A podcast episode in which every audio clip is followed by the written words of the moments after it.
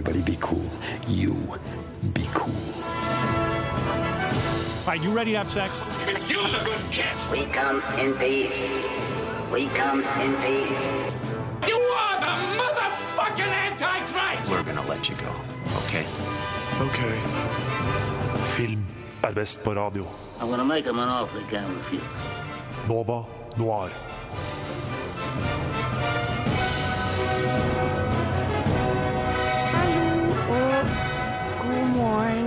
Nå hører du på Radio Nova, og det er torsdag. Klokka er ti, og det er Nova Noir som skal ta lufta de neste to timene.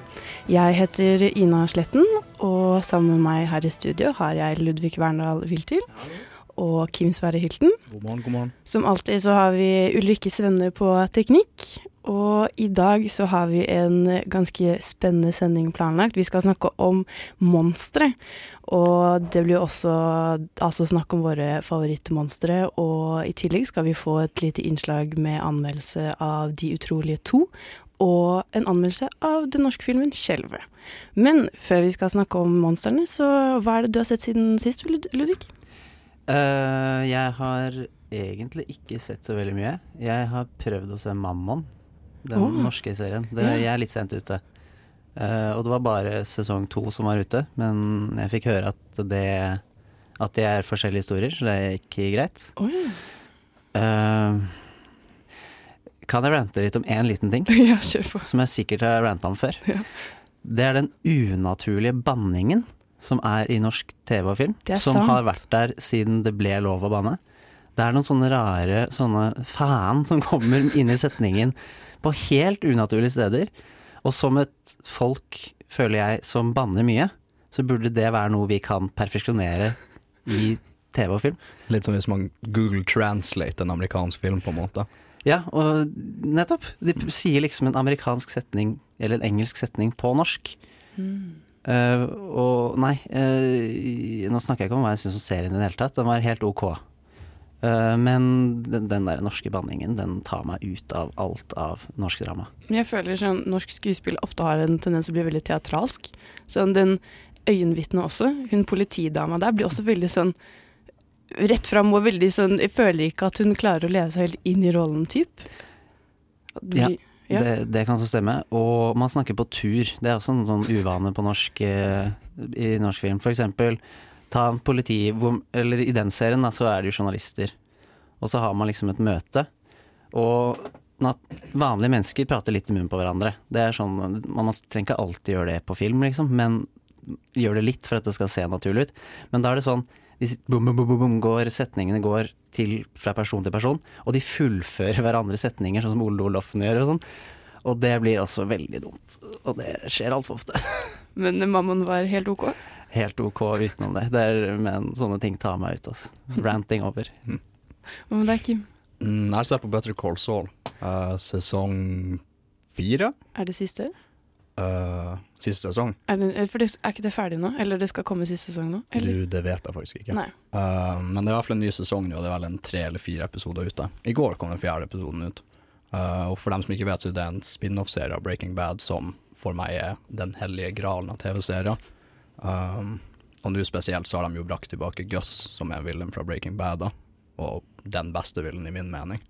Enig. Så den serien, den, den tok seg opp, altså. Den var litt sånn Jeg var litt lunkent inn til å begynne med, men jeg tror at sesong tre eller to, den sesongen som Gus er tilbake, så begynte det å bli skikkelig bra. Kan jeg bare komme litt unpopular opinion? Men jeg føler det alle sier om Breaking Bad. Sånn, jo, det blir spennende sesong tre, og så er det bare fire sesonger eller noe. Så det er bare sånn, jeg, jeg syns aldri det var verdt det å se Breaking Bad. Jeg syns ikke det var så revolusjonerende bra. Og Vet Call Saul var heller ikke sånn Så du hele? Ja, Breaking Bad? Ja. Ja. Og så så jeg en sesong av Saul, og jeg syns ikke det var så veldig Jeg tror det er veldig sånn Folk har litt sånn elsk-hat-forhold til det, fordi det er veldig sånn langtrukken serie. De har en tendens til, når de filmer scenen, altså hvis en mann skal gå til en kiosk, ikke sant, så vil de plassere mannen helt til høyre på kamera, kiosken helt til venstre, og så vil de filme liksom hele spaserturen hans over uh, kamera. Så de har mye sånn langtrukkenhet, og det er en serie som man på en måte må være litt investert i. Ja, det er sant. Uh, Det er litt sånn Wes Anderson-esk filming. mm. Han elsker også å gjøre det.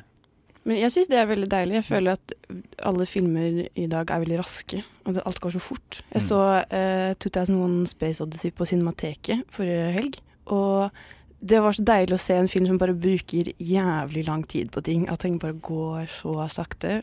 Jeg syns det er skikkelig deilig. Jeg prøvde å se den sjøl, ikke på Cinemateket, jeg så den bare på TV-en hjemme. Jeg lasta ned uh, i sommer, tror jeg. Jeg klarte ikke å komme meg gjennom den første halvtimen, for den var så langtrukken. Når den der sola, eller hva det er, liksom kommer opp der bak horisonten, og den der musikken. Det Eh, er intenst, altså. det er intenst, men ikke sant, så er det intenst sånn, ja, de første fem-ti sekundene, men så sitter du der sånn tre minutter senere, og bare den jævla sola bare sakte, men sikkert kommer opp, liksom. Jeg tror jeg klarte den raske klippekulturen vi har nå, har gått utover tålmodigheten til publikum. Mm. Og gjort oss litt bortskjemte på sånn kvikkhet i film. Da. For jeg er enig med deg, Ina, at uh, jeg kan verdsette noen ganger at det kan gå litt sakte. Litt sånn naturlig sakte. Mm. Det kan være veldig behagelig. Litt meditativt. Men det krever Kanskje det er lettere å Si en dårlig film, da. Det er kanskje lettere å gjemme en dårlig film som er raskt klippet, enn en dårlig eh, Inklint Michael eh, Bay? Ja, det er jeg. Det er men det er ikke klipping og langdrage ting vi skal snakke om i dag. I dag er det jo monstre, og nå skal vi bare høre en liten sang før vi fortsetter. Da kommer 'Running Circles' av Albany Law. Hallo og velkommen tilbake. Dette var 'Running Circles' av Albany Law. I dag skal vi som sagt snakke om monstre, men vi vil gjerne definere hvilke monstre, fordi monstre kan jo være så mangt. Og vi skal ikke bare snakke om menneskelige monstre. Vi skal snakke om store, fæle, ikke-menneskelige skapninger, for det er jo det vi elsker, er det ikke det? Ja, er det ikke det? Jeg synes det er eh, Men hvorfor syns vi det er spesielt kult? Hvorfor liker vi ikke når det er mennesker? Fordi det er litt nært. Og så liker vi kanskje de store monstrene, spesielt de som opplagt ikke kan eksistere i virkeligheten fordi vi kan liksom distansere oss, og det er ikke en ordentlig trussel. Det er en trussel vi ser på skjermen, og så er det over når det er ferdig. Det er litt deilig å se på, for vi vet at sånn, når vi går ut etterpå, så kommer vi ikke til å møte Godzilla i gata, liksom. Det kommer til å gå eh, helt greit. Men uh, det er det at uh, det har blitt veldig populært med sånn true crime, og at vi ser mordere, og eh, folk er så jævlige i dag. Og da å kunne se, bare se på filmer som, hvor det er, det er greit, at det, sånn, det er bare fantasi, det er bare tull, syns jeg er veldig betryggende. Ja, fordi monster betyr jo så mangt Mhm. på folkemunn. Men uh, vi skal vel ikke prate så mye om uh, voldtektsmenn og mordere i dag. Nei, det kommer vi til en annen setning. Men i dag så skal vi snakke om uh, alt fra King Kong til Monsterbedriften, og jeg tror det blir eh, veldig spennende. Men vi skal jo snakke om de, liksom de store. Men eh, kan dere nevne noen sånn ikoniske monstre som dere husker sånn fra at dere har vokst opp med? Take it away.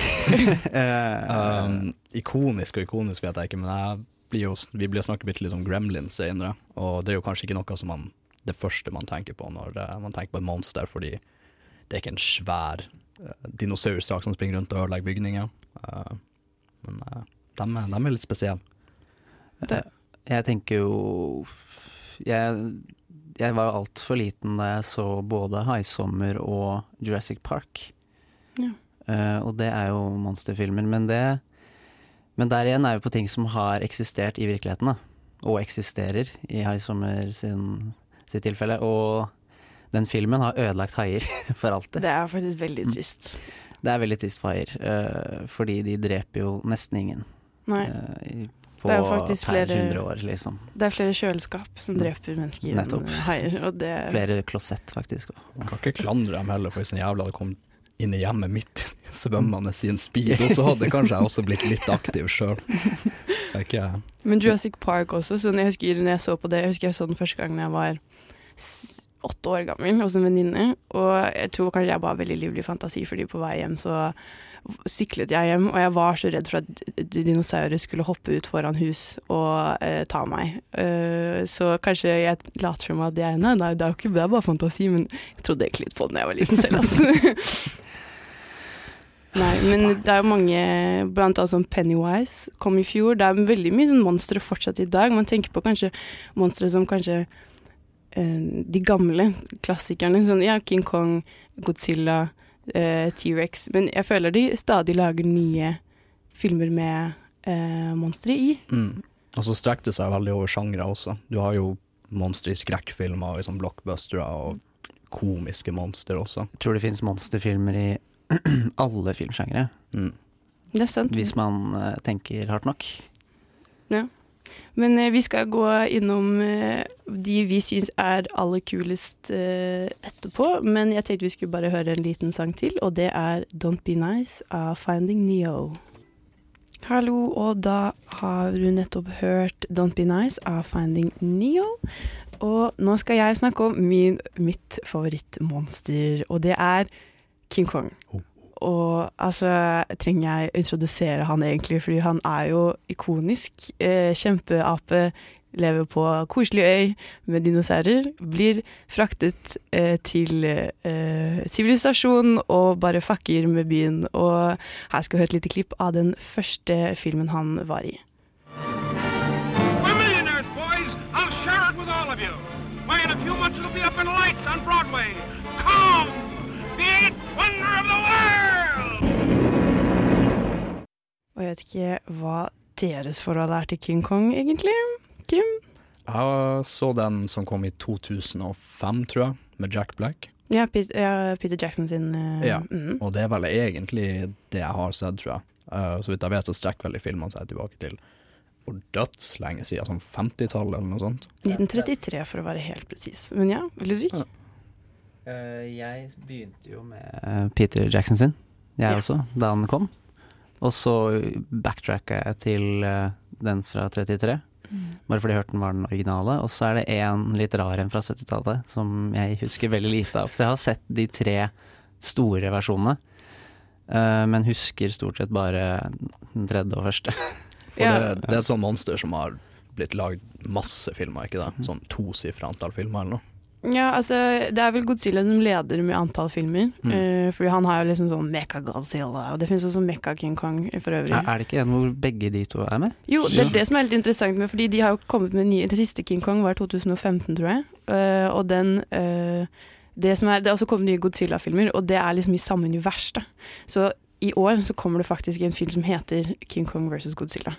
Og et, ja, det blir intenst, for å si det sånn. Men du kan slå helt tilbake inn til 1933, fordi det var da King Kong først kom, altså ble eh, filmatisert.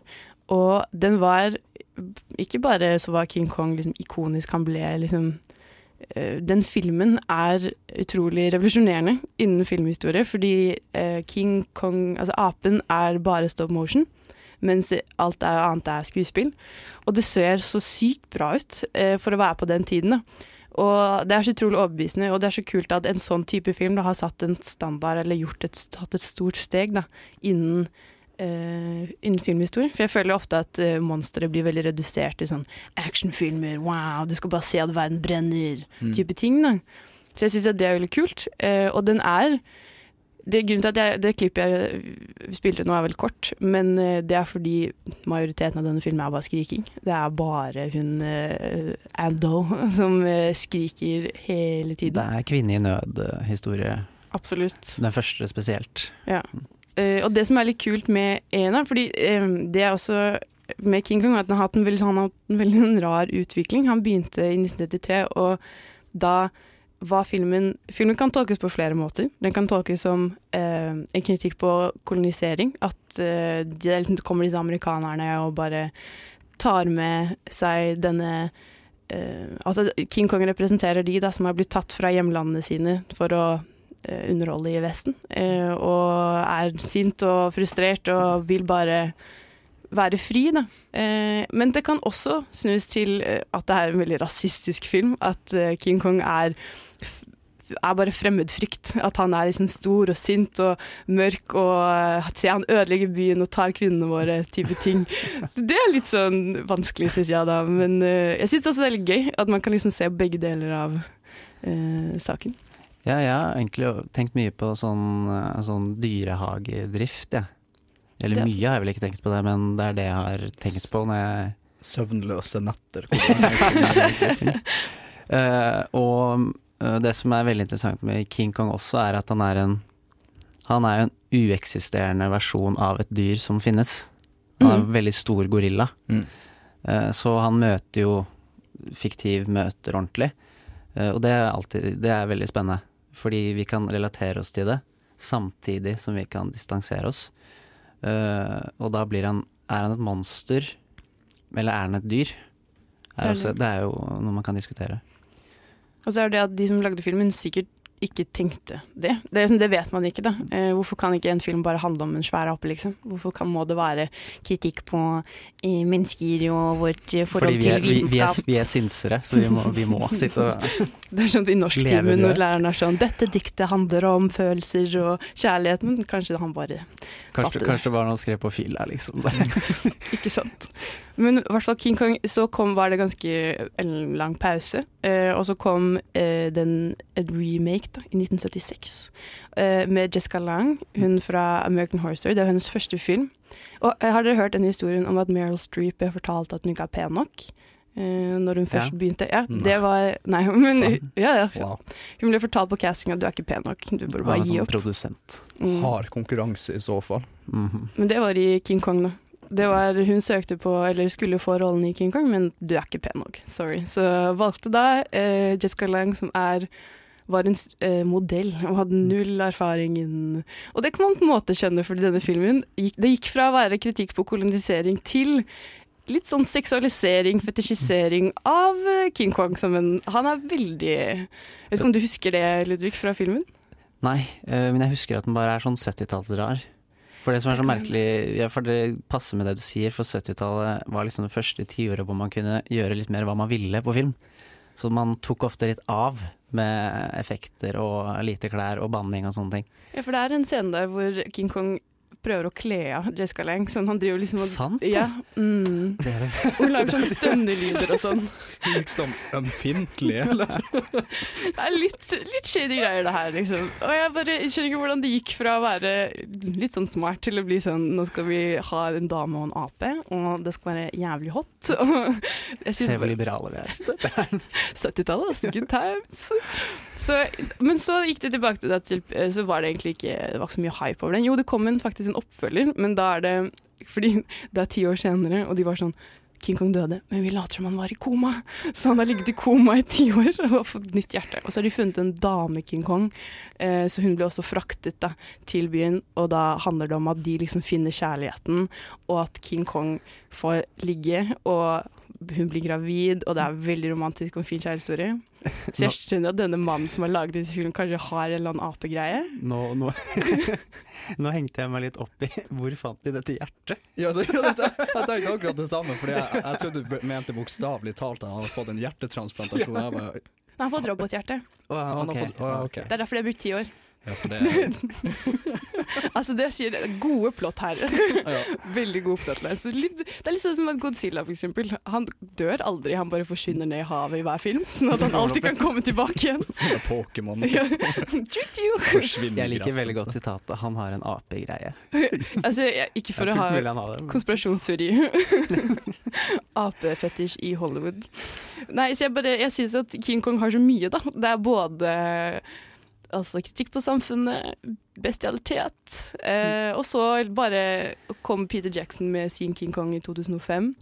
Og jeg synes den var, det er en av mine favoritter, fordi da gjør han King Kong blir så menneskelig. Sånn, han blir mye mer følsom, og du får mye mer sympati. Altså, han er jo sint og fæl og knuser alt og alle, men han, du skjønner litt mer liksom, Han får litt mer ja, sympati, da, bare. Eh, og det er det Peter Jackson er veldig flink på, syns jeg.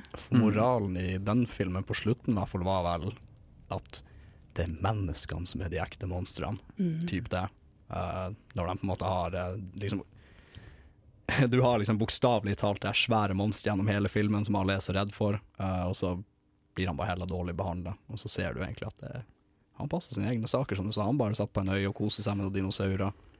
Ante fred og ingen fare. Det jo, men det er litt sånn som med Jurassic Park. på en måte, sånn, mennesker bare kan ikke slutte å tukle med ting og bare ta på og bare dytte litt. Bare, hva skjer hvis jeg gjør det her? sånn type ting. Det er jo Det er en ikke trykk på denne knappen-mentalitet. ja, Du, du går og gjør det, vet du. Ja. Nei, men eh, jeg syns King Kong er eh, egentlig kuleste monsteret, kanskje. Fordi han kan be- bety så mye, og han bare representerer ja, du kan, Det er det jeg synes med monsterfilmer, at de blir så fort redusert da, til den action, og det er det jeg føler de siste Den Kong-filmen som kom i 2015, eh, det blir bare Det er så dårlig. Jeg blir så lei meg, fordi de gjør det så enkelt. Ikke gjør det. Nei, greit. Don't do it. Men hvordan likte du best da av King Kong-filmen? du har sett? Jeg likte jeg har likt 19, den fra 1933 egentlig mest fordi den er så brutal også. Sånn, dere burde bare se den. Sånn, hvis dere går inn på YouTube, sånn movieclips er sånn min helgen, fordi du kan bare se ti klipp fra ikoniske scener fra en film, og da kan du basically hele filmen. Og det er en scene der blant annet hvor eh, Kong dreper en um, velociraptor eller noe. Mm. Og det er så uh, grotesk, og det ser så bra, men det er så bra filmet til å være stop motion. Jeg blir helt sånn fascinert. Det er bare filmmessig, da, så er den filmen helt sykt bra. Uh, du blir litt sliten av den skrikinga etter hvert. Mm. Men og den er, altså, måten folk dør på sånn altså, det, er, det høres veldig sånn brutalt ut når jeg sier det på den måten, men den er veldig kul. Men for en filmopplevelse sånn dette bevegde meg, så vil jeg si at Peter Jackson sin er en av de bedre. Mm. Absolutt. Så knallgod anbefaling der, altså. Men eh, da har jeg fått snakket om min favorittmonster, i hvert fall. Og etterpå skal Kim få lov til å snakke om Alien. Men før det skal vi høre Go Now av Tirsa. Det var Go Now av Tirsa. Og nå er vi i gang med monstersendingen vår. Og det er Kim sin tur til å snakke om sitt eh, favorittmonster. Yes, yes. Uh, det er jo alien, da, og det er jo veldig selvforklarende at det er et uh, utenomjordisk vesen. Um, favoritten min er den første filmen som kom ut for nesten 40 år siden nå. Um, og basically det den handler om, er at det er en gjeng med astronauter som er ute på en eller annen romferd. Uh, og på veien tilbake til jorda, tror jeg, så får de et sånn uh, signal, et ukjent signal fra en planet om så de bestemmer seg for å sjekke det ut, da, i tilfelle det er mennesker der eller noe annet som trenger hjelp.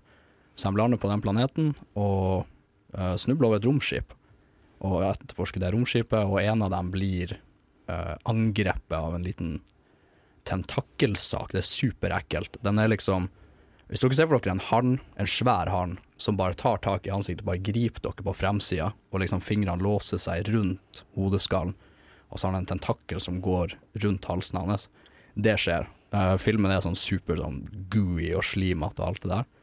Um, jeg hadde egentlig mest lyst til å snakke veldig om én scene som er blitt ikonisk i ettertid, så vi skal ta og spille et lydklipp fra den først.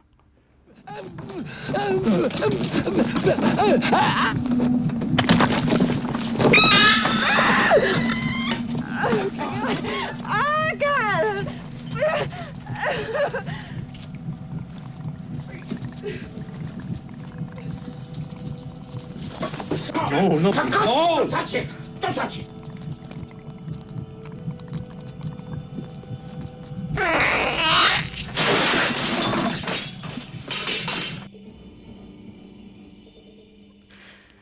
Um, Nå er jo vi på radio, da, så vi er begrensa fra å uh, bruke visuelle elementer, dessverre. Uh, men jeg skal prøve å forklare denne scenen litt, for det ble litt mye hyling og hoiing og sjåring der.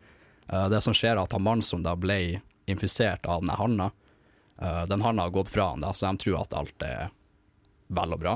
De sitter og spiser frokostblanding, de koser seg, og plutselig så bare får han et anfall, og det er den uh, lyden du hører i begynnelsen. Altså, han legger seg på bordet og bare begynner å uh, riste og rulle og har det vondt, og alt er bare helt forferdelig.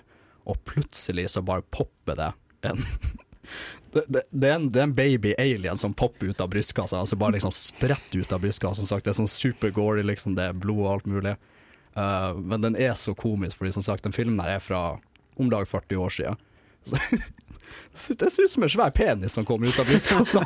Jeg så den greia, jeg holdt på å daue. Og, så, og den står jo der, ikke sant. Den bare kommer ut, og så ser den seg litt rundt på de her folkene der, og så lager den en lyd. Og så plutselig bare springer den av gårde, sånn dritkjapt og bare forsvinner. Og i løpet av en time eller to så er den blitt en fullvoksen alien som én etter én dreper alle sammen om bord på romskipet. Som er veldig kjipt. Uh, men det som Ja, er det litt skjer. Ja, når det skjer, liksom. Uh, men det som En liten fun fact til den scenen. Jeg anbefaler å se, sjekke noe på YouTube hvis, uh, du som lytter ikke har sett filmen eller har tenkt å se filmen. Den er veldig morsom. Uh, men Bare se filmen generelt, kanskje. Den er dritbra. den er veldig bra. Kjempebra film. Um, men den scenen der, så vidt jeg leste, uh, så var ikke skuespillerne klar over at det skulle komme noe ut av brystkassa hans. Uh, så reaksjonen du får fra dem, er liksom deres, de, deres genuine reaksjon på å se en liten sånn plastikk dildo poppe ut av brystkassa. Det er sykt kult, faktisk. Det visste jeg ikke. Men jeg vet, hva hadde dere gjort, tror dere, hvis det bare hadde poppet den ut av mitt bryst akkurat nå? Hvis, hvis den hadde sett ut som den alien der, så jeg, jeg tror jeg hadde lett. jeg tror jeg hadde Jeg vet ikke jeg kan, Kanskje jeg er fæl nok type til å løpe, heller enn å sjekke om det går bra. Det er, det er hyggelig. Det er bra å vite. Ja, det, det har det kommet en haug med alien- alien-filmer i ettertid. Uh, noen skal visst være bedre enn andre, og så lagde de vel en spin-off typ som du snakka om, den Godzilla mot King Kong som skal komme, var det du sa? Eh, de lagde Alien versus Predator, som var så som så. Uh, men om noe så er den første Alien-filmen, som sagt, den er kjempebra. Den er både skummel og uh, uh, gory og morsom og litt sjarmerende også. Og så er det en sånn type skrekkfilm hvor du ser ikke monsteret så mye. Selve, selve Alien har veldig lite screentime, men Det kan være en- mye effekt i det. Altså. ja, ikke sant? skrekken ligger på en måte i det at den, den er der, men du ser den ikke. Du vet ikke hvor den er, på en måte. Og det er jo denne ikoniske scenen når eh, hun Ridley Når det bare er hun igjen på slutten, når de står sånn ansikt til ansikt eh, en, Mm. en millimeter fra hverandre. Mm. Det er jo et legendarisk bare stillbilde i seg selv. Mm. Ripley er jo bare dritkul òg. Det, er det, det har vi kanskje snakket om på Noir før, men at uh, hun var jo Ripley var jo skrevet for en mann, egentlig, eh, karakteren. Men så hadde han Eller sånn han castingfyren visste ikke det, for det hadde ikke skrevet sånn eksplisitt at dette skulle Det sto bare Whippy. Hun har bare etternavn. Ja. Mm. Så hadde castet den damen, og det er derfor hun har blitt så ikonisk, for hun er en dritkul damekarakter. Men det er fordi hun oppfører seg som en mann, da, på en måte. For hun er veldig sånn hardbarka og drittøff, og bare er veldig praktisk. Liksom, Hun er bare sånn OK, har du, blitt, har du den i kroppen, da må jeg drepe deg. Altså sånn, Skal vi sprenge skipet? Ja, fordi hun, den moderen er der, liksom. Hun, Ja, for hun hadde jo ikke tenkt å slippe dem inn i det hele tatt da hun hørte at uh, han hadde blitt infisert. Så sa hun nei, protokollen sier at han, han kommer ikke om bord på skipet, for da kan vi alle bli infisert. Men så, vel, det skjedde. Men monsteret, da. Sånn eh, designmessig. Mm. For det er det vi prater om. ja. Eh, den er jo ganske ikonisk, og det er jo, det er jo en sånn hvis du tegner Hvis du får bare en tegning av eh, altså alien i profil, det hodet med lange baki, og så ser du at det er den med en gang. mm. Hvis du har sett filmen. Mm. Den er veldig ikonisk sånn sett. Sånn Tre meter høy og mørk og med Og veldig sånn ekkel og tynn. Ja. Det er sånn som skrev meg. Sånne svære og sterke, sånn som eh, King Kong f.eks. for eksempel, skremmer meg ikke sånn fys rent fysisk. Jeg liker, sånne tynne, ekle syns jeg er mye verre. sånn Jeg vet ikke hvorfor, men det er, det er, sånn- de ser slue ut. mm. Mm. Men det er jo han HR Giger som har designet den eh, Fordi han, jeg tror det var det at de nådde ut til For han var egentlig kunstner, og han hadde allerede laget designet på Alien. Så han, i kunstverkene sine så var den originale Alien. Og da de bare kontaktet han og spurte om øh, Og bare søk på HR Giger på uh, Google, for han har groteske og fascinerende sånn eh, dystopiske tegninger. Og er, du kan du se veldig preget i hele Alien-universet òg, da. Og det er det som kanskje har gjort den så ikonisk. Ja, den, den er, han er så spesiell. Eller hun er så spesiell. Ja, så er jo hele filmen ganske fargeløs. Det er lite farger, og det monsteret er vel svart, er det ikke det? Svart eller grått eller Noe Mørke lilla eller noe sånt. Den er sånn, den er sånn romfarga. Hvis det er. Romfarga. Ja, space colored, liksom. Men den syns jeg kanskje er se, Selv om filmen heter Alien, så heller den mer på monster enn romvesen for meg. Mm. Sånn filmvesenmessig. For når jeg tenker romvesen, da tenker jeg mye mer utrert. Sånne Star Wars-karakterer, eksempel, som Mm. ikke er mennesker. Som har et sånn aliens, da. Sånn, Typ. sånn uh, Chewbacca Nei, ikke Chewbacca, liksom, men sånn Jabba the Hutt og sånn. Han han er veldig alien for meg. Det er, men er det da fordi de, er litt, de har den eh, Det er, utre, det er utrert, og så er det satt på helt andre planeter. Ja. Mens Alien er på en måte satt i vår verden på et romskip Mm. i en viss fremtid, antar jeg. Mm. Og så er det et eh, fremmedlegeme som vi aldri har sett før, som kommer. Mm. Et slags virus, om man vil. da Så Det det gjør det mer til et monster for meg, tross tittelen på filmen. Ja, det brukes jo som et Det er kanskje også på måten det blir brukt på også, fordi Jabba the Hutt er jo på en måte ikke brukt som et skrekkelement. Han er jævlig ekkel, bare. Men Litt sånn, sånn komi-skummel type. ja, litt sånn Kanskje litt polking på sånn mafia-mobbing, og, eller ja, også, mens Alien, eller Sino, hva heter Xenophobe, eller hva det heter Uh, Jeg husker ikke hva de monstrene heter, men uh, de brukes jo for å være skummelt, så da, kanskje er det det som gjør det mal. Og så er det mer brutalt og mer eh, vilt. Så gjør det Mm. kanskje da mer til det monsteret som vi er redd for. Ja, og så skal den etter mennesker. Det er jo det vi er redde for. Mm, det er interessant, fordi vi, det er kanskje også med Madsfilm, er at vi liker å se at mennesker kan beseire ting som ikke altså sånn, Vi får høre hele tiden at mennesker ikke hadde klart seg ute ville ut, uten alt teknologien vi har. Da. Og så ser vi disse filmene hvor vi, det er masse monstre, og så bare dreper vi dem fordi vi er så sykt smarte. Mm. Fordi Alien er jo kompromissløs. Det går jo ikke an å diskutere eller megle.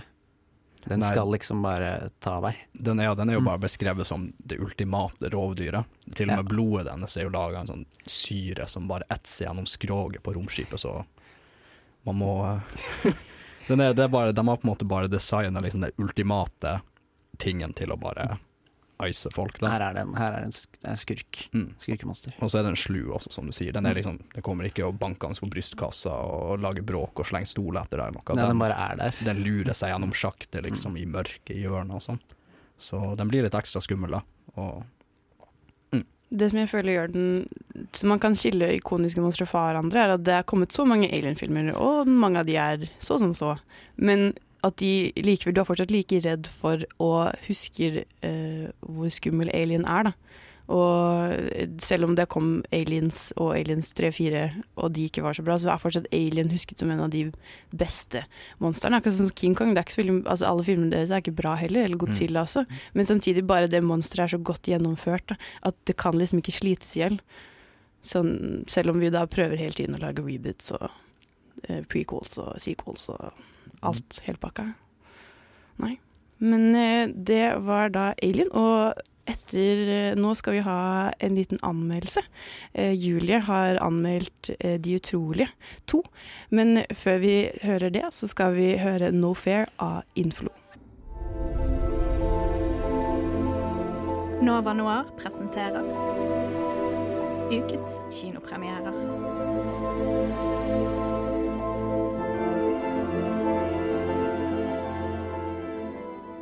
Nå skal du høre et opptak fra da Julie Oskar Andersen var og så De utrolige to på kino. Hei, Julie! Hei, Ina! Hvordan går det med deg? Det går bra. Eh, Jeg har vært på kino og sett De utrolige to, som handler om en familie som har superkrefter.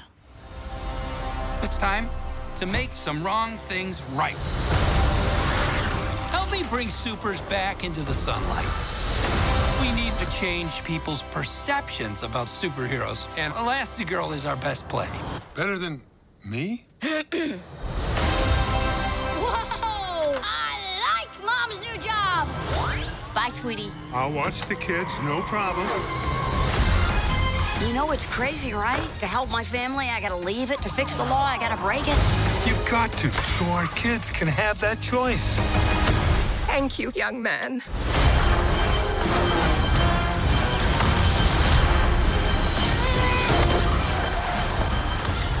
Det var altså traileren til De utrolige to. Det er altså 14 år siden De utrolige kom på film på kino. Jeg følte i kroppen min at jeg savnet det, ass. Ja, for du var, eh, var du fan av den første? Altså, jeg vet ikke hvor mange ganger jeg har sett den ene her. Den er så gøy. Samme. Jeg pleide å se den øh, Jeg tror jeg har sett den over 40 ganger, altså. Sånn eh, no lie. Fordi jeg så den ofte da jeg var syk.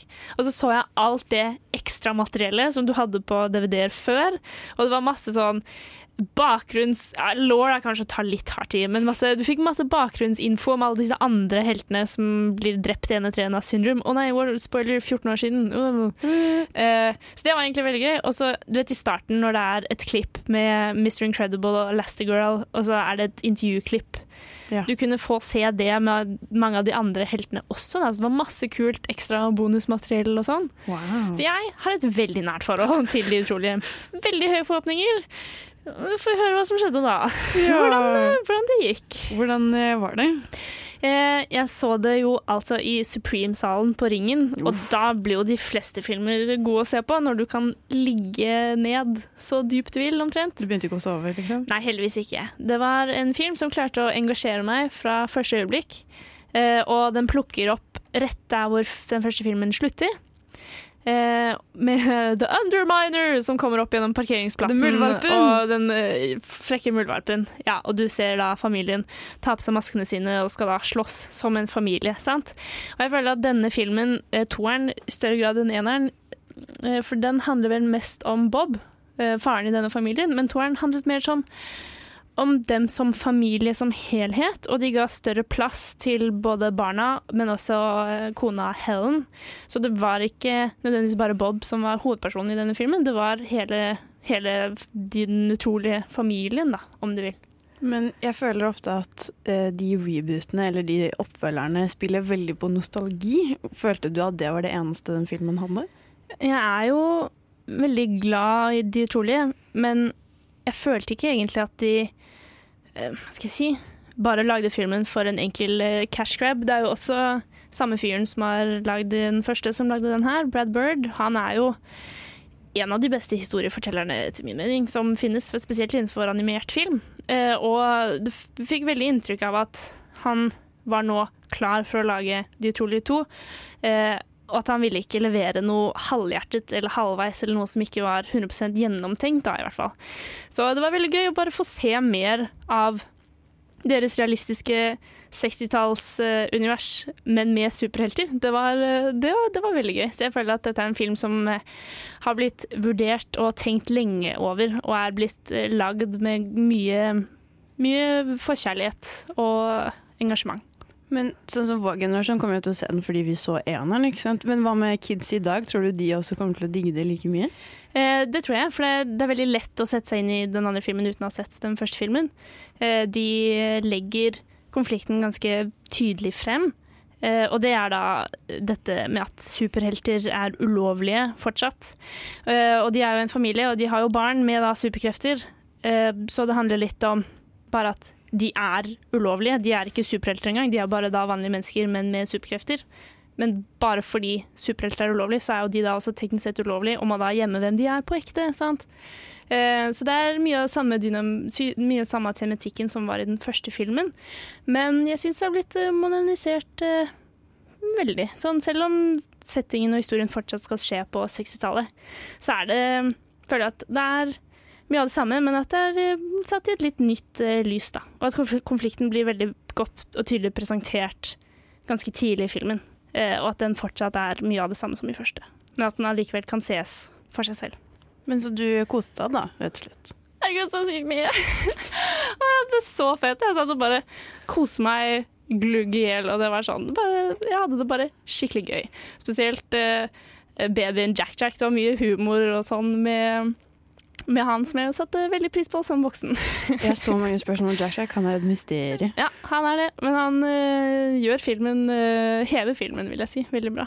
Så jeg ble veldig Jeg vil ikke si positivt overrasket, for jeg hadde jo ganske høye forventninger. Men øh, de fleste forventningene mine ble innfridd. Jeg håpet på at vi fikk se mer av alle andre enn Bob, blant annet, som Helen og Violet og Dash, ikke minst, og Jack Jack. Så det følte jeg ble innfridd. Så jeg gikk ut av kinoen veldig, veldig fornøyd. Men eh, hvis du da skulle gitt en karakter til eh, The Incredibles 2 The Incredibles 2 um, Det er litt ta det for det det er. Sant? Det er jo en barnefilm, men den er veldig godt laget. Men det kan på en måte aldri bli et moderne mesterverk da, som vil bli en ti av ti, selv om det føles sånn i hjertet. Sant? Men eh, rent objektivt sett, sånn som vi er her i Nova Noir på Radio Nova, torsdager fra 10 til 12, er jo eh, kan liksom ikke la oss blinde av nostalgisk eh, glede.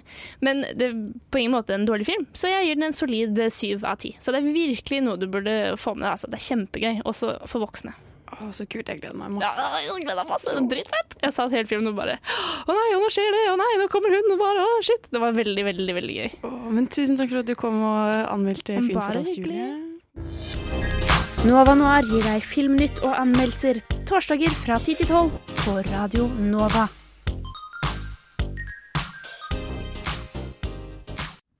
Det var da verdens beste sang, eh, 'Damer runker' også, av The Camel Toes. Og før det hørte du en eh, veldig fin anmeldelse av De utrolige to. Nå er det tid for Ludvig. Hva er ditt favorittmonster?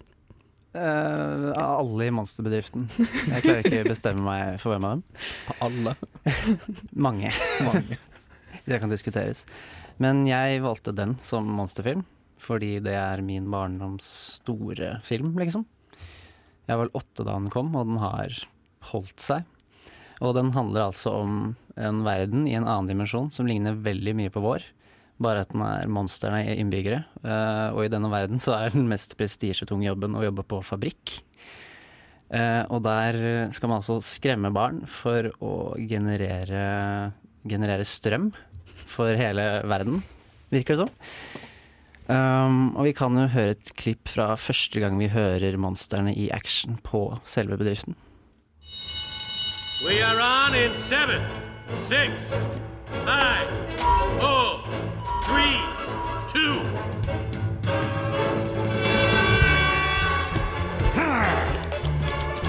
Get a boss, get a boss, get a big hairy boss.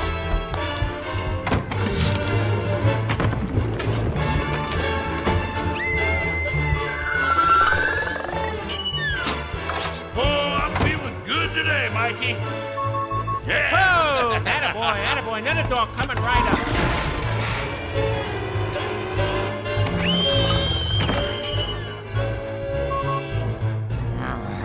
You're still behind, Randall. You know, maybe I should realign the screen intake Just valve. get me another door. Ah, the door, yes, door.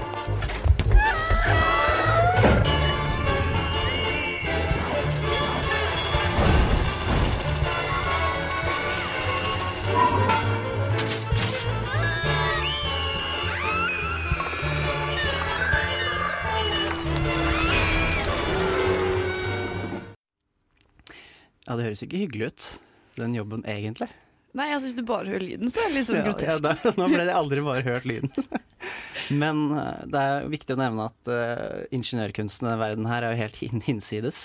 Hvor de klarer å lage dører som fører rett inn til barns soverom over hele vår verden.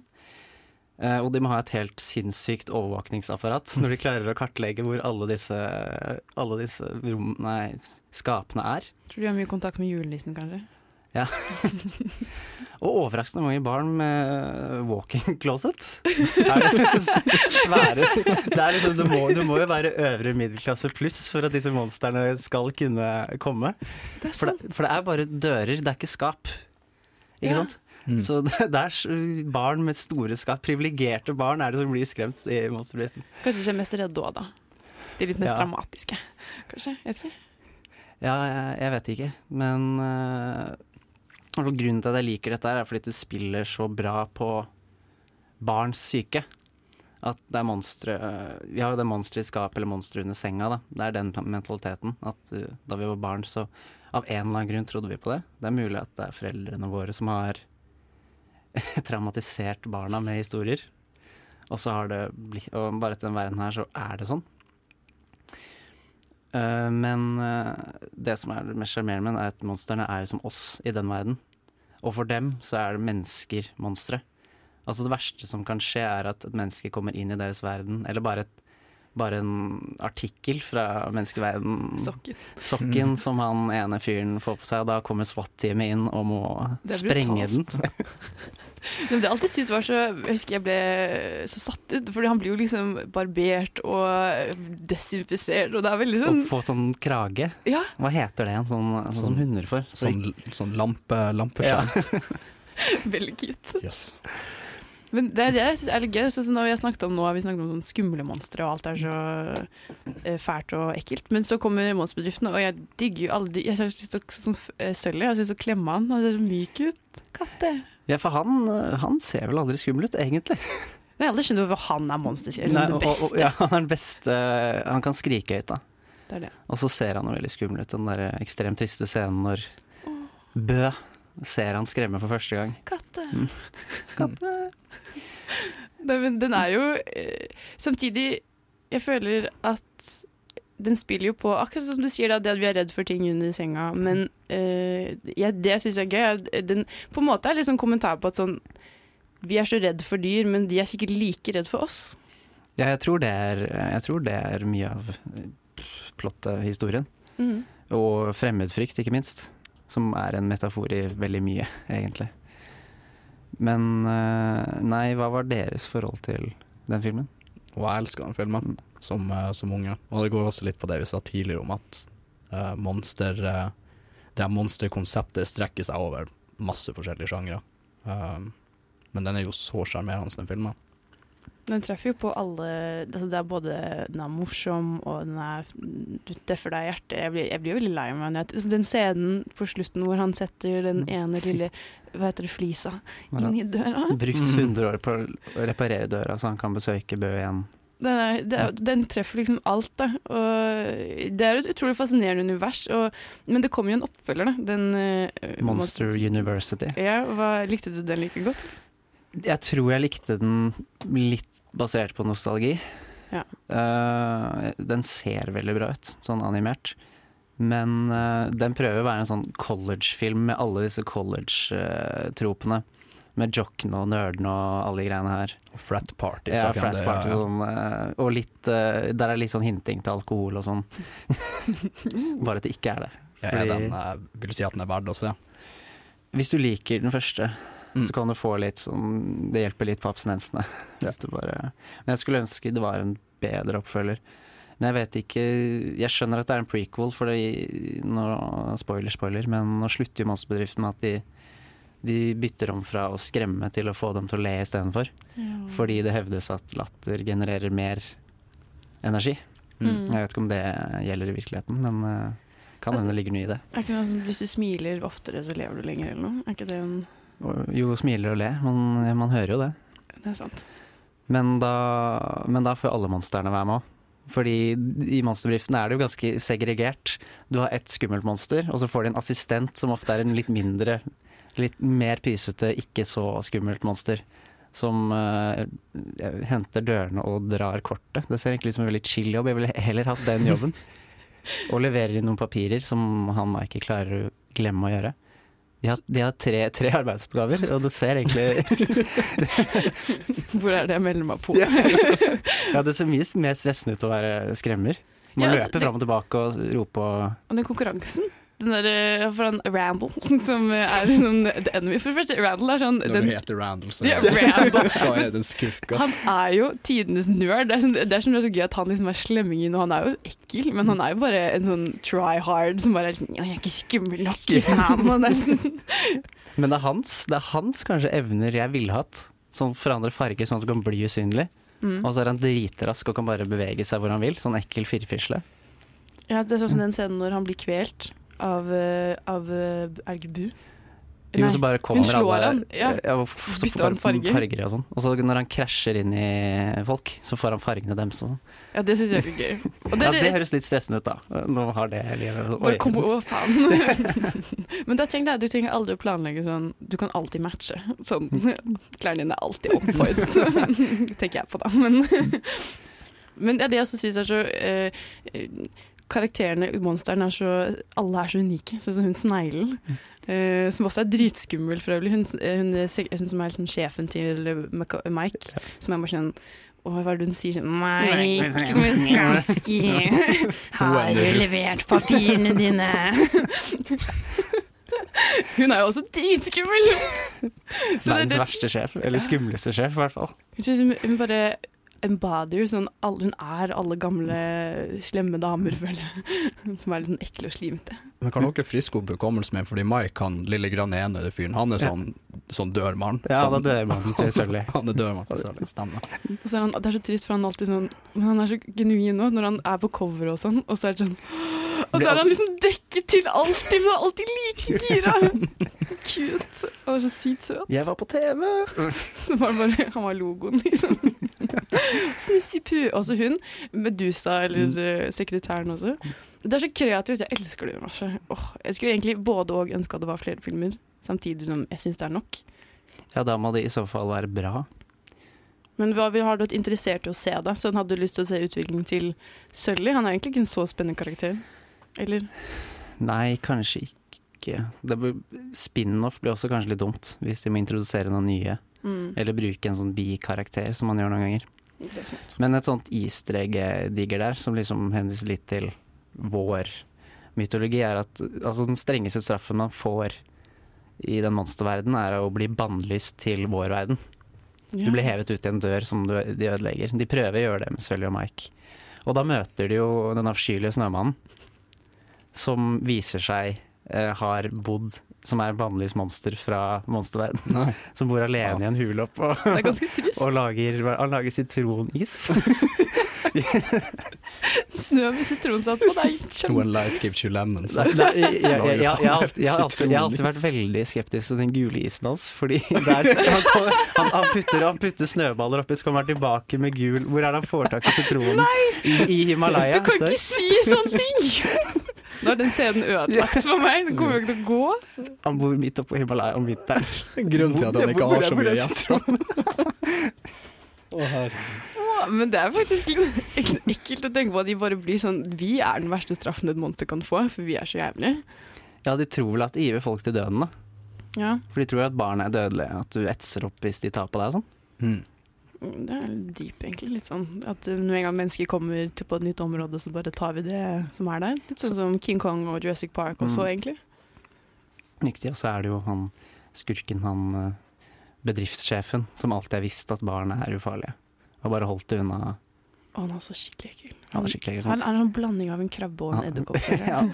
Og sånn rart skallet-aktig menneskehode med fire øyne.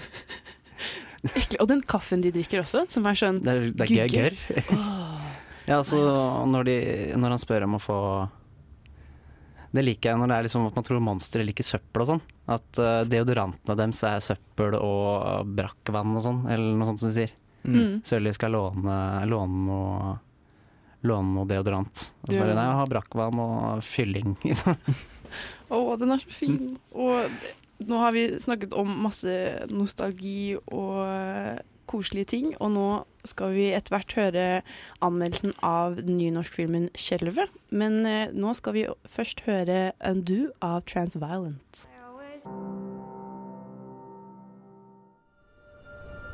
Mange av de som var i Geiranger, kan takke én mann for at de i dag er i live. Geolog Christian Erkjord.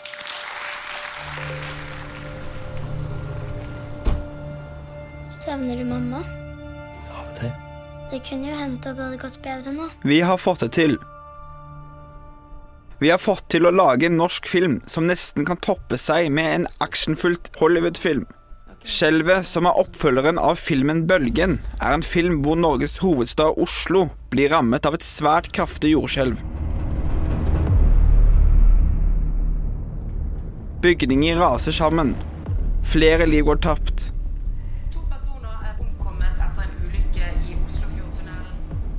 Med den tøffe skuespilleren Kristoffer Joner i hovedrollen, som et nytt forsøk på å redde verden. Enda tøffere enn før.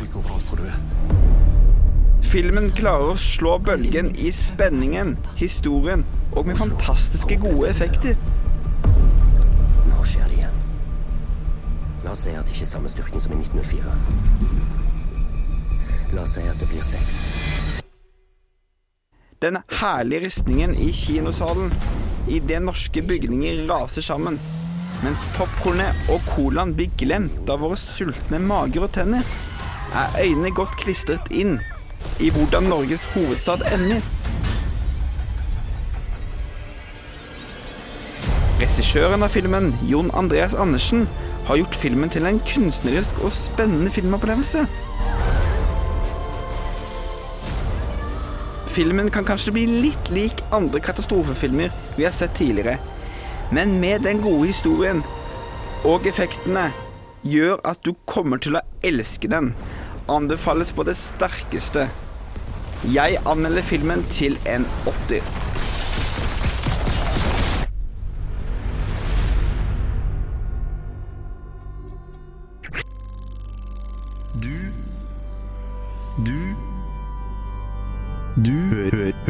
På- på Radio Nova.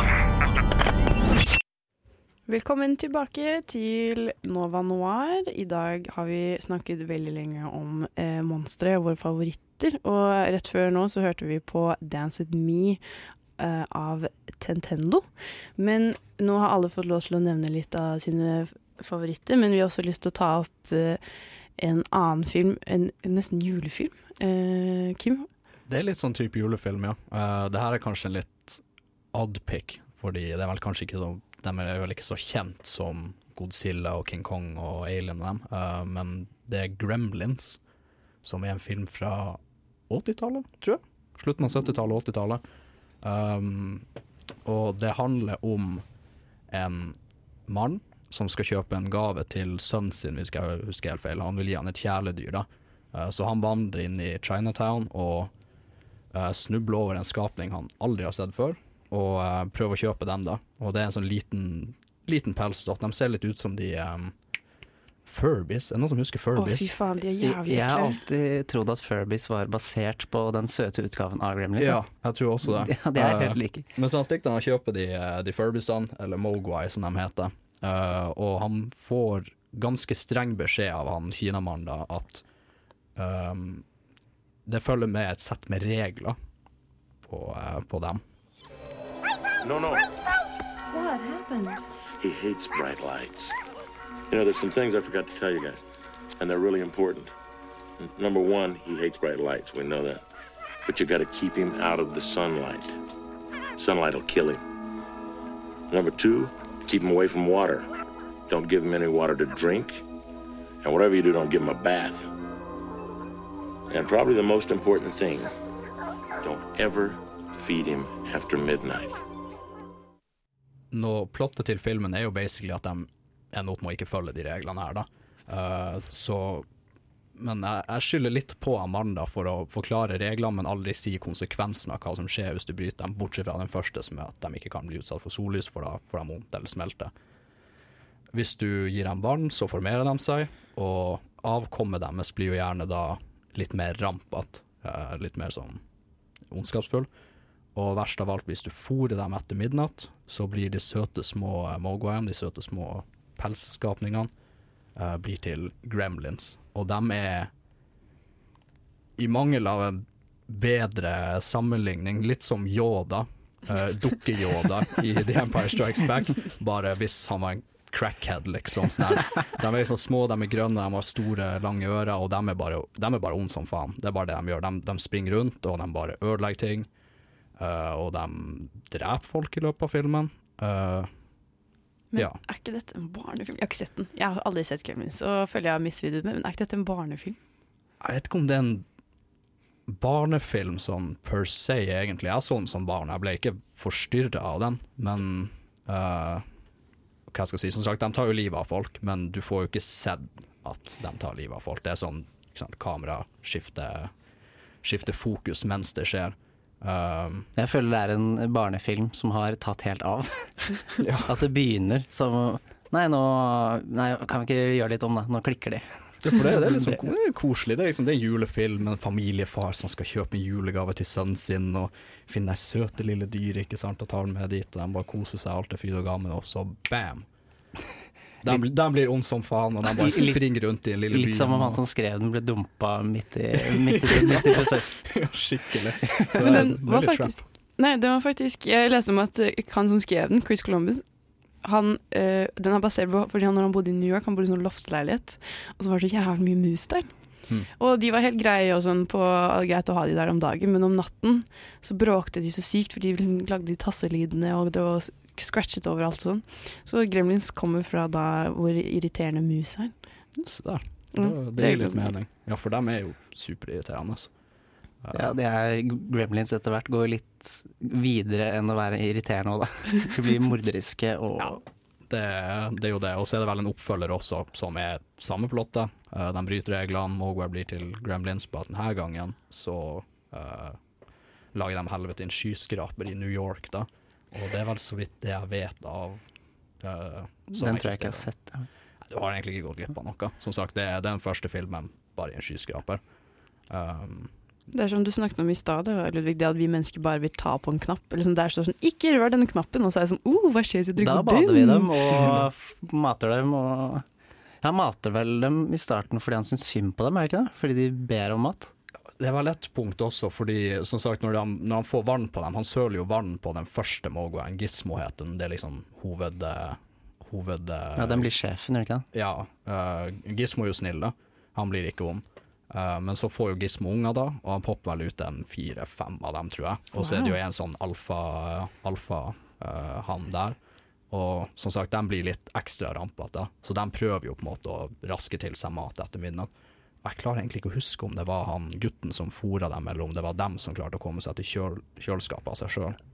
Jeg husker bare at jeg har sett et klipp fra den filmen, og det er at moren kommer inn på kjøkkenet, og så driver de og, de driver og spiser på kjøkkenet, og så blir hun så redd, så hun skru, og så driver han ene, den ene gremlinen og spiser ut av en sånn mixmaster, og så skrur hun den på, og så blir han bare knust, og så stabber hun den andre i brystet, og så putter hun den tredje inn i mikrobølgeovnen. Ja, for da er den blitt ond, ikke sant? Ja, ja, ja. men det er helt sjukt at dette er en barnefilm! Hun er hard, altså. Ja, altså, men sånn, den reaksjonsevnen hennes er dritbra. Hun, hun er litt sånn Ripley, føler jeg. Hun Ja. er litt sånn eh, Morderisk brutal. først, første reaksjon. Ja, hun tar ikke dritt fra noen.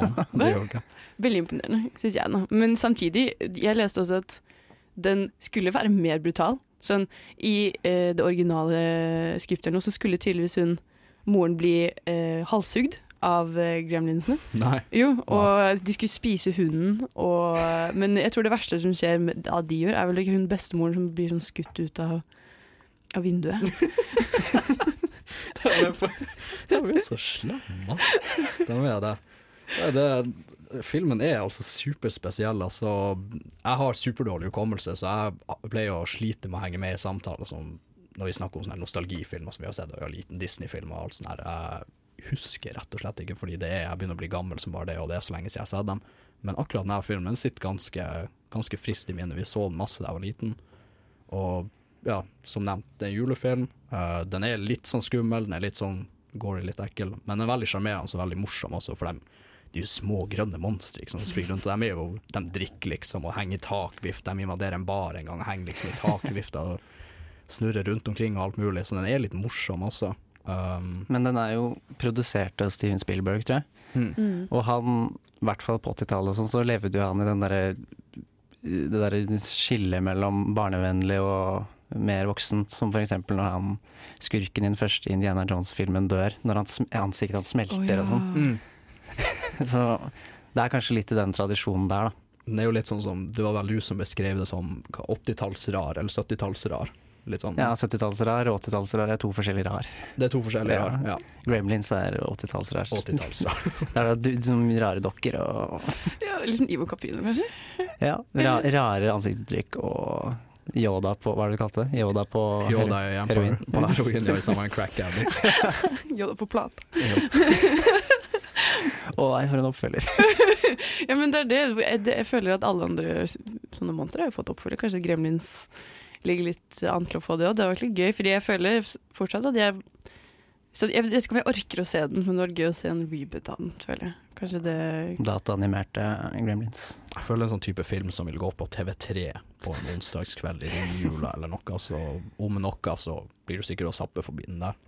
Men det, det jeg syns er så fascinerende med de, er at den, den, det skillet mellom søt og skummel, det var jo kanskje de første filmene hvor det begynte med at monstre også kan være koselig. Eller sånn det, Vi har alltid sett sånn Alien og uh, de som er så fæle helt fra starten av, men disse er jo De begynner som noe hyggelig, og så bare blir det helt forferdelig fordi mennesker gjør dumme ting. Eller er det kanskje litt forsøkt av meg å gjette at det er vår feil at eh, Gremlins blir uh, jævlige? Altså, sagt, jeg tror de spilte en liten rolle sjøl, men Ja. uh, det begynner jo med menneskene. Mm. Og eh, det er jo Det er tre regler. det er tre regler. Det er ikke så jævla vanskelig å forholde deg til tre regler når du skal oppdra de her dyrene der, liksom. Bare Nei, de, de er ikke De er ikke så veldig ansvarlige kjæledyreiere, vil jeg si. Uh, og som sagt, det ble en oppfølger med akkurat samme problemstillinger, så de, må, de burde ha skjerpa seg. Kanskje var det egentlig handlet om sånn ikke bare få dyr, ta vare på dyrene deres. For det er faktisk en sånn epidemi i USA at de gir sånn kaniner og hunder, valper og sånn til barna sine til jul, og når de blir voksne, så er de sånn Å ja, vi trenger ikke deg lenger. Og, sånn, Og, sånn. de som eh, kvitter seg med dyrene sine når de skal på lang ferie. Åh, det er så trist. Var ikke det vi skulle snakke om nå, men i hvert fall Gremlins var også uh, en litt rar, men uh, ikonisk uh, monster som vi har vokst opp med. Og nå kommer snart den delen jeg har gledet meg mest til i hele den sendingen. Vi skal ha quiz. Monster quiz, og det blir veldig gøy. Men før vi kommer til det, så skal vi høre en til sang, og det er I Just Wanna Be Your Prisoner av Skinny Palembe. Og da er vi tilbake. Dette var 'Er det sånn å Be Your Prisoner av Skinny Pelembe. Og nå kommer Monster Quiz. Er dere klare? Til Jeg er født klar. Okay, jeg Har vi noe valg? Nei. jeg har brukt tålelig mye tid på det her. Eh, det er veldig enkle regler. Det er eh, Jeg kommer til å spille Jeg kommer til å spille lydklipp eh, fra eh, forskjellige monsterlyder. Og det er ca. ti sekunder eh, ish. Eh, og da skal dere bare, etter at vi har hørt de, så skal dere enten Dere kan bare rope navnet deres og være sånn Ludvig. Og så sier du eh, den, den eh, monsteret fra den, den filmen. Men det var én av gangen, ikke sant? En av gangene. Ja, Ja, ja, så vi skal ikke, dere skal ikke huske alle. Nei, nei. Det er ti stykker. Eh, så, og ingenting Jeg kan spo spoile det med en gang. Det er ingenting som går flere ganger. Så det er ikke sånn at jeg har vært nerd og tatt sånn Det er King filmen. Kong fra 1933 og King Kong fra 1975. Det er ikke sånn. Det er ikke liksom. samme film heller, da. Nei. Nei okay. Så det er ikke samme monster flere ganger. Du du må ja. Eh, så ja. Og da er det, er, det noen, er det noen spørsmål? Og det, kan, det er lov å hjelpe hverandre også hvis dere, ingen av dere vet det, f.eks. Vi er på lag hvis eh, begge faller. Ja. Faller sammen eller vinner sammen. Ja. Men eh, det er jo best å vinne, da. Ja. Jeg bare sier det. OK, men da, vi begynner enkelt. Så bare rop ut. Spill, da spiller vi første spørsmål. Ludvig. Ludvig. Det, er, det må jo være Jurassic Park. Det er Har du lyst til å definere Eh, monsteret? Tyrannosaurus rex. Ja, bra, bra, bra. Start og start. Ja, nå, nå må du ta det Ja. bare på ballen, Kim. Er det, så svaret er film Nei, monster, ikke filmen? Du kan få bonuspoeng for filmen, hvis du vil. Nei, nei det er lik jo, men ja, OK, ja, det er monstre. Ok, monstre Så, men hvis du ikke kommer på hva, for eksempel, la oss si det er et vesen Mm. du ikke husker navnet på, da, men du vet hvilken film det er fra. Beskriv det, kanskje. Ja, Mm. det kan du. Men uh, helst navnet. Ja, ok. Ja. OK, da kommer nummer to. Kim, Ja, Kim. er det King Kong? Det er det, vet du. Har du lyst til å ta et gjett på hvilken film det er? Um, jeg går for den fra 2005, for det er bare den jeg har sett. Ja, det er helt sant. Hey. Jeg mente, for, jeg mente fordi jeg skjønte at det var fra 2005. Ja. og ligger det likt her? Ja. OK, nummer tre.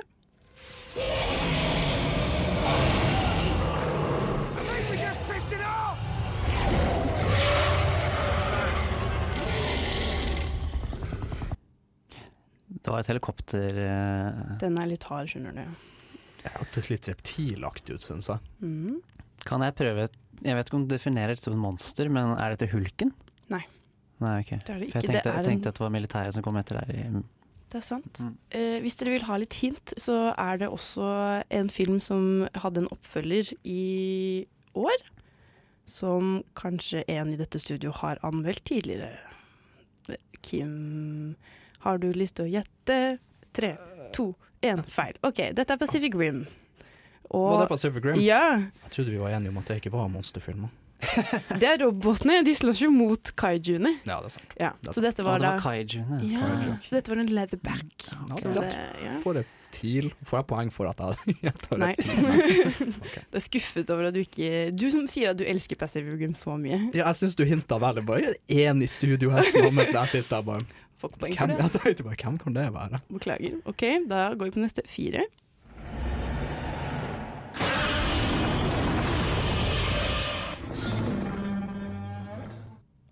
Dette er jo kanskje det mest ikoniske skriket i hele verden. Og jeg blir, ut jeg blir utrolig skuffet over dere hvis dere ikke vet dette. Vet dere hva? OK, dette er Godzilla. Som er beryktet for å ha det mest ikoniske skri skriket. Og jeg, Det må sharpe Wow. Godzilla-gamet der. Altså. Jeg tror minuspoeng til Jeg deg. altså, minus 100 poeng på begge to.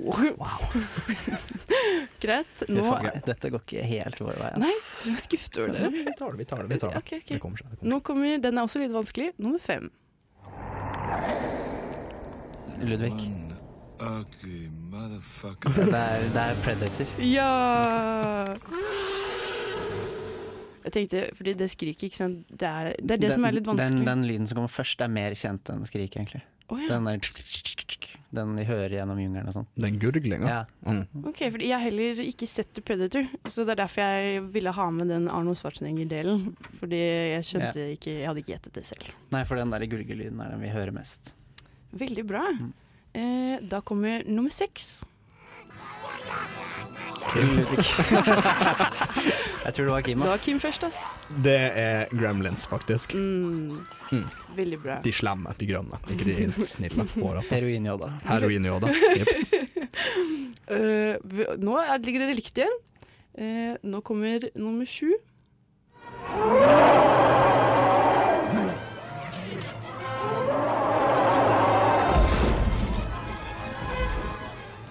Dramatisk musikk her. Dere kjenner ikke igjen musikken? Det var det- det hørtes litt Spielberg-ish ut. Ja, for det var den jeg syns virka kjent, men ikke hylinga så, eller det skriker så mye. Uh, uh, jeg, jeg, jeg kan prøve meg på en sånn wildcard. Er det den derre sandormen fra Star Wars? Nei, men da er det riktig territorium. Det er fra samme univers. Fordi Men det er et mye kulere monster enn sand... Å, det er den, er den er Kim. Kim. Uh, det er den Sar Sarlacken, er det den heter? Den som er Ikke! Den som er, den, som er, den som er under huset. Den som skal spise Luke. Ja. Det var ikke den. Det er den med jo, men det er ikke det den heter. Het den ikke det? Nei, den heter Rancor. Ja, Sarlacc, det, var- det var den ormen. Ja. Sarlac Pit. Ja. Stemmer. Men da vet jeg ikke helt hva jeg skal gjøre her, fordi du hadde riktig film, eh, Ludvig, men Kim hadde riktig monster, men feil navn. Han hadde, han hadde jo riktig monster. Ja. Han har mer rett. Jeg vil si at Kim får poeng for Ja. det her, eh, dessverre. Eh, og da er vi på nummer åtte.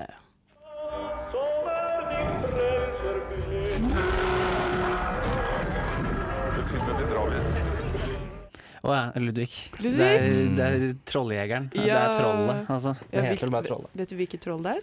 Nei, det er, de heter jo forskjellige ting. Gjør de? Ja. Å ja, det fikk ikke jeg med meg. Sånn egennavn eller artsnavn? Artsnavn.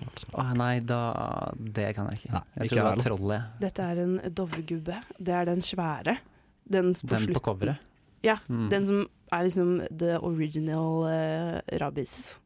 Og da spiller han kristen musikk, og det er sånn faen. Det her går ikke. Mm. Det er også en veldig ikonisk scene. Så nå er vi snart ferdig, dere. Eh, og dere ligger fortsatt likt. Eh, nå kommer Puls. ikke sant? nummer ni. Send den tingen dit den kom fra, eller hjelp meg! Så hjelp meg! Så hjelp meg! OK! Det er monsterbedriften. Det er, det er Mikey og Sully. Det er det. Hvem av de skulle ha? Det var Begge. Mike som sang. Ja, han synger mest, egentlig. Ja. Eh, ja, jo, ja, han korer med Sølvi. Mm. Det er sant, det er sant. Men uh. Nå kommer det kanskje det verste monsteret av de alle. Uh, nummer ti. Guys, I'm not doing okay. You're not? I'm trying. I gotta get help, guys. You know what? We all make mistakes. Second chance, I hope. Okay? Har dere wild guess? Er det menneske? Det er det definitivt. Dette er ingen ringere enn Harvey Weinstein. Ah. jeg har aldri hørt stemmen hans, jeg har bare sett bilde av fyren. Nei, Men ja. Den var, eh, den var fin. Takk. Jeg vil si at det var en av de fæleste monstrene jeg hadde å by på i dag. Men da ble det faktisk sånn at Ludvig vant med hele syv poeng, og Kim fikk fem. Melankolsk applaus fra meg. Ja, men veldig Jeg er litt skuffet over noen av de her. Eh, jeg føler Godzilla var min eh, Dette var det dere skulle klare. Ja, du, du virka oppriktig, oppriktig forferda Ja, sånn, dere trenger ikke ha sett Godzilla, men sånn Godzilla sin lyd er jo Jeg skjønner ikke. Nei, nå er, nå er det bare Kim og jeg som faktisk ser deg, men du fikk et sånt uh, skuffende ansiktsuttrykk. Sånn livet, sånn en liten håp når, i universet. Når, liksom, når man liksom får sånne skuffende poser under øynene fordi øynene faller. Liksom. Mm. Musklene i ansiktet bare Ja, ja det, var, det var hardt. Men apropos lyder. Jeg tenkte at nå, siden dere Det gjorde dere helt OK på quizen. Så jeg tenkte at kanskje vi skulle snakke litt mer om eh, hvordan man lager lydene. Men da skal vi ta en liten pause fra quiz og høre en til sang før vi hopper på det. Og da blir det Me and My Heart av Christopher Port. Det var Me and My Heart av Christopher Port. Og jeg har kommet meg etter skuffelsen av at eh, dere ikke kunne alt jeg forventet av dere. Vi beklager. Kanskje jeg hadde litt høye forventninger, jeg vet ikke. jeg føler Kim er fortsatt litt sånn irritert over Pacific Rim-mystikken. Mm. Men Nei, eh, det kan du egentlig kalle deg selv en uh, Pacific Rim-fan? Hvis du ikke kjenner igjen det engang? Jeg er, ikke fan, jeg er ikke fan av noe eller noen, men jeg, jeg liker Så trist. jeg liker det. Det er så veldig trist liv. Nei, det er, akkurat det er en samtale for en annen gang, men uh, det er Ja, jeg burde ta den. Jeg burde ta den. Jeg er litt bitter for det. Det er lov. Mm. Du må bare marinere litt i den uh, skammen, syns jeg. Fordi nå skal jeg Siden dere ikke hadde hørt eller kjente igjen Godzilla Det som jeg syns er uh, For det første den lyden uh, det, Man tenker jo over sånn hvordan lyder blir laget. Fordi så La oss si sånn lydsverdene i Star Wars, hvor, hvor kommer de fra, f.eks.? Eller hvordan har T-rexen fått sitt brøl? Eh, Godzilla har De prøvde eh, jo egentlig å lage veldig mye sånn Prøve på masse forskjellige dyrelyder, eh, og bare egentlig bare slakke det ned. Men har dere lyst til å gjette på den uh, Godzilla-lyden, den som er sånn, sånn ikke, Hva tror dere hva ville, Hvis dere hadde lagd, uh, vært sånn lydregissør, hva, tror dere, hva hadde dere brukt som midler til å Den lage vi hørte nå? Ja. Uh, ja, hva kan bruke Altså, jeg, jeg ville vel tatt en blanding av masse dyr. Dyrebrøl, kanskje. Mm. Blanda inn med noen syntetiske lyder. Mm, pitcha det opp eller ned, kanskje. Men jeg føler at det er noe sånn helt uortodoks svar på det her. At det er noen som har skrapt negler på en vegg eller noe sånt. Du er nærme, du er nærme. Ja. På Godzilla så er det faktisk at de har tatt en lærehanske, dekket den med kvae, og da gnidd den mot strengene til en kontrabass. Jeg lurer på hvordan, hvordan, hvordan Hvordan kom man opp med det? Nei, altså, hvordan kom man opp med Godzilla-konseptet i seg selv, tenker jeg da. Komme på et svært monster som bor i havet, liksom. kreativ prosess jeg gjerne skulle vært inkludert i. Men det er også sånn, eh, hvis man ser på Jurassic Park, T-Rex også, jeg trodde også det var sånn griselyder eller sånn. Men eh, når eh, T-Rexen puster, for eksempel, da bruker de eh, eh, Du vet hvaler og det pustehullet de har på ryggen. Mm. Det er det de bruker. En sånn hval sin sånn Det er når, når en T-Rex puster, er en hvals pust. Som også er ganske fascinerende. I tillegg til at de har brukt mye Jack Russell Terrier sine lyder til å lage lydene til en Jessica, til en T-rex. da. Og det syns jeg er veldig gøy, for de er veldig små. Lyder som i bjeffing, da, tenker du? Det er mye som skjer, det er mye som skjer i postproduksjon her. Ja. Sikkert. Det er veldig fascinerende. Og en monster som jeg ikke fikk snakke, vi ikke fikk snakket om i dag, eh, som jeg elsker, er jo eh, for eksempel Balroggen fra eh, Ringenes herre. Mm. Du vet når eh, um, Gandalf er for 'You shall not pass'. Da Balroggen han begynner jo egentlig litt sånn i bakgrunnen når han liksom våkner opp, og det er veldig mye sånn flammer og litt sånn rolig.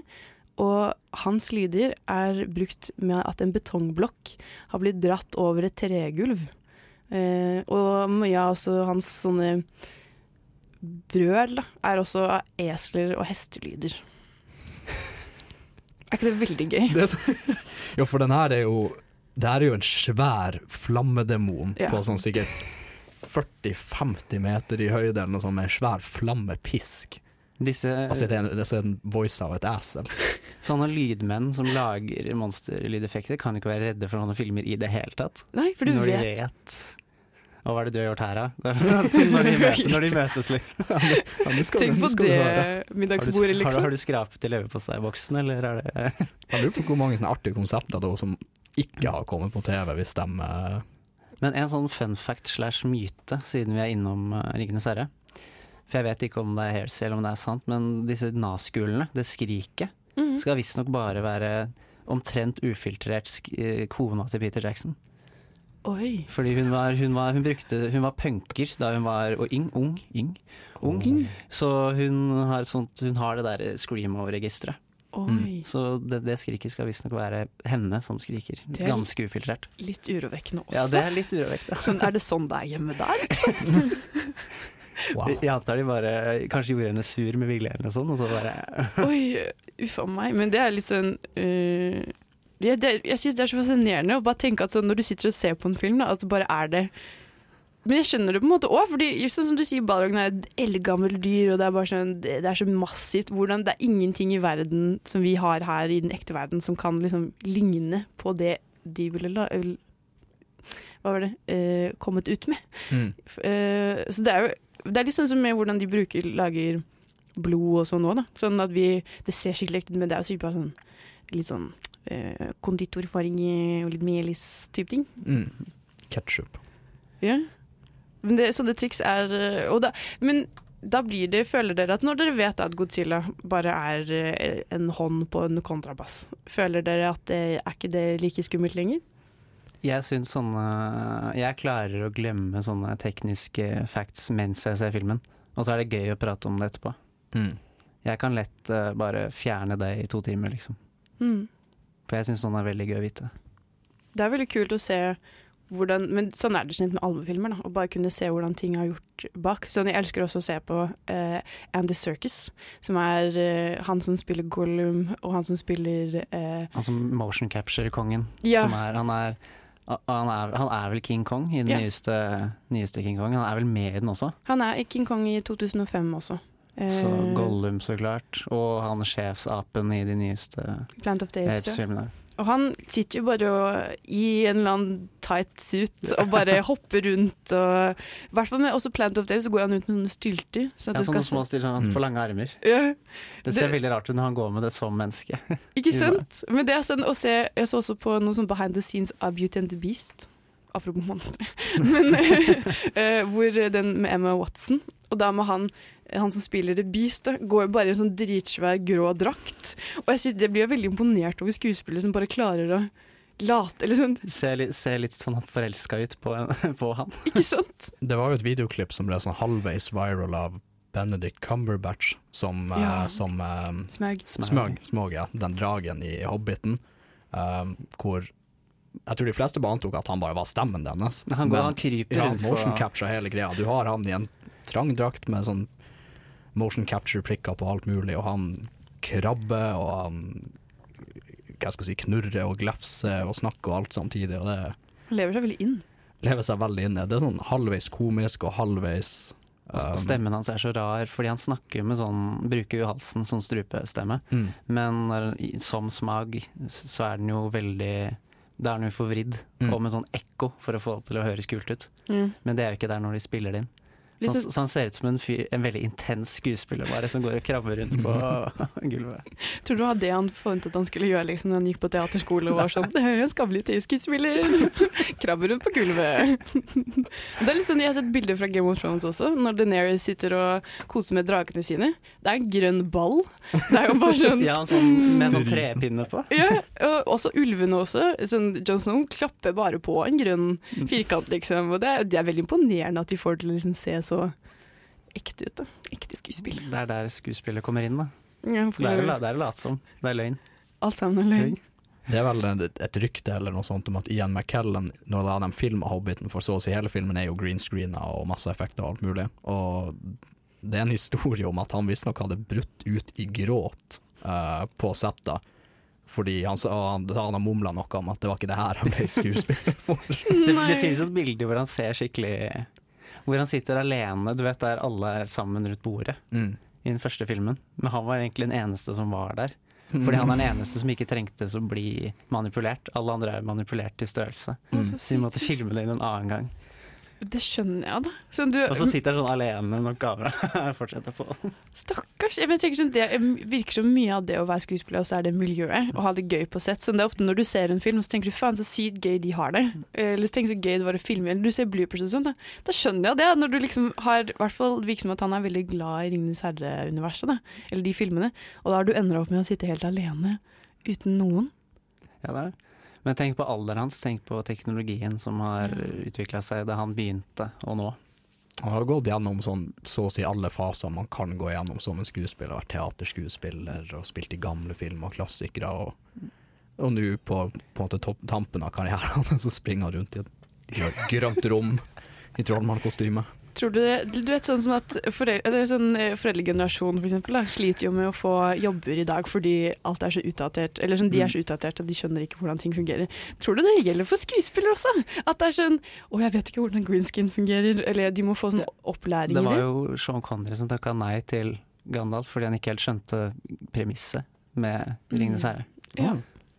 Er han jo- pensjonerte seg for ti år siden, og sånn. jeg tror han bare falt ut av loopen. Det er litt kjipt. Fuck it, nå er jeg nok penger og jeg er gammel. Så bare Ja, det lurer jeg på. Sånn, Steven Spielberg, sånn, du har så mye penger, men du bare fortsetter å spy ut sånn Men han, han, han finansierer sine egne filmer, så han kan jo gjøre helt hva han vil. Det er sant. Men ja, nei, det er utrolig kult hvordan man bare kan eh, manipulere og skape og få store monstre til å komme ut av ingenting. Og i dag så har vi snakket om våre favorittmonstre. Jeg fikk lov til å snakke om eh, King Kong, og så har vi snakket om Alien, og vi har også snakket om både Gremlins og eh, Monsterbedriften, alles favoritt-Pixar-film, kanskje. Eh, og så har vi også fått en veldig fin anmeldelse av De utrolige to av Julie Oskar Andersen. Og vi har også fått en eh, eh, anmeldelse av eh, Skjelve eh, av Håkon Rekvik. Eh, og tusen takk for at alle kom i dag. Og i dag har jo vært Ina Sletten. Med meg har jeg Ludvig, eh, Verndal Viltil og Kim Sverre Hilton. Som alltid så har vi Ulykkes venner på teknikk. Tusen takk, alle sammen.